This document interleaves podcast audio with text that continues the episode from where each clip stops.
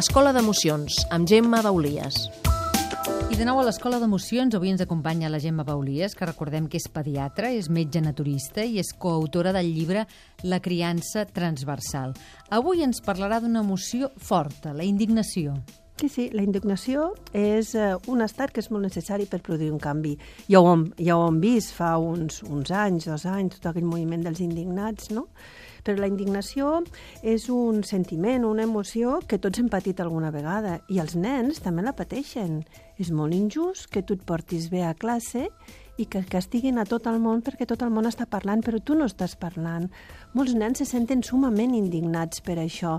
I aquesta indignació ningú li fa cas, ningú la replega, perquè, bueno, és el que hi ha, no? I jo crec que no és just, perquè eh, quan van en contra d'una situació moral o d'una creença moral que ells tenen o que tenim, llavors, quan aquesta creença es salta, és quan realment ens sentim indignats, no?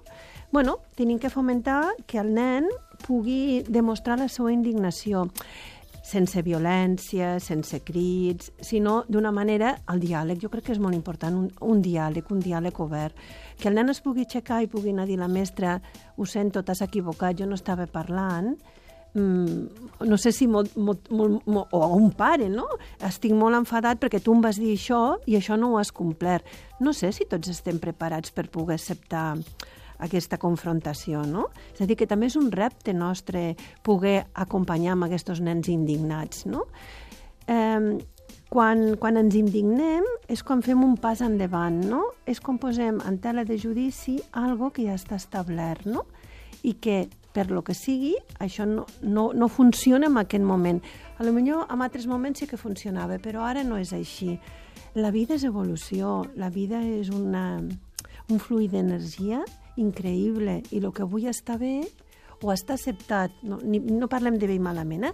parlem que està acceptat per la gran majoria, a lo millor dintre de dos anys no està acceptat per la gran majoria, no?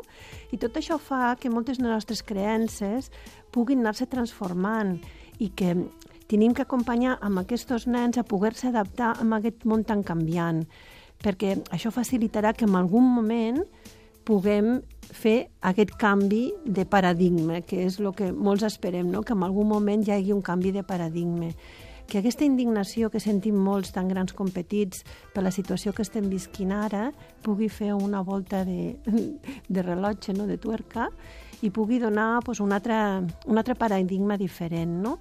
Eh, tenim que acompanyar els nens indignats i, les, i, els, i els joves indignats i tenim que intentar entendre'ls el per què estan indignats. No tatxar-los de uns incontrolats, uns colèrics, no, no. Per què t'has indignat? Què és el que tinc que canviar de mi? No, què és el que ha fet de mi que tu t'indignessis d'aquesta manera, no? Clar, això suposa un gran esforç pels adults, no? Però jo crec que és molt interessant que, com que comencem a fer aquestes reflexions, encara que sigui a petit comet a casa, no?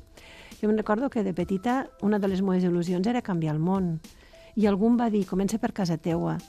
I té raó, perquè casa meua és una petita comunitat que cada vegada s'anirà fent més gran aquesta comunitat i anirem estenent-nos com si fossin una, una gota d'aigua que cau dintre d'un estanc. En tot cas, eh, donarem recursos perquè puguin expressar aquesta mm. indignació. Moltes gràcies, Gemma Baulies. Fins aquí avui l'Escola d'Emocions. A vosaltres.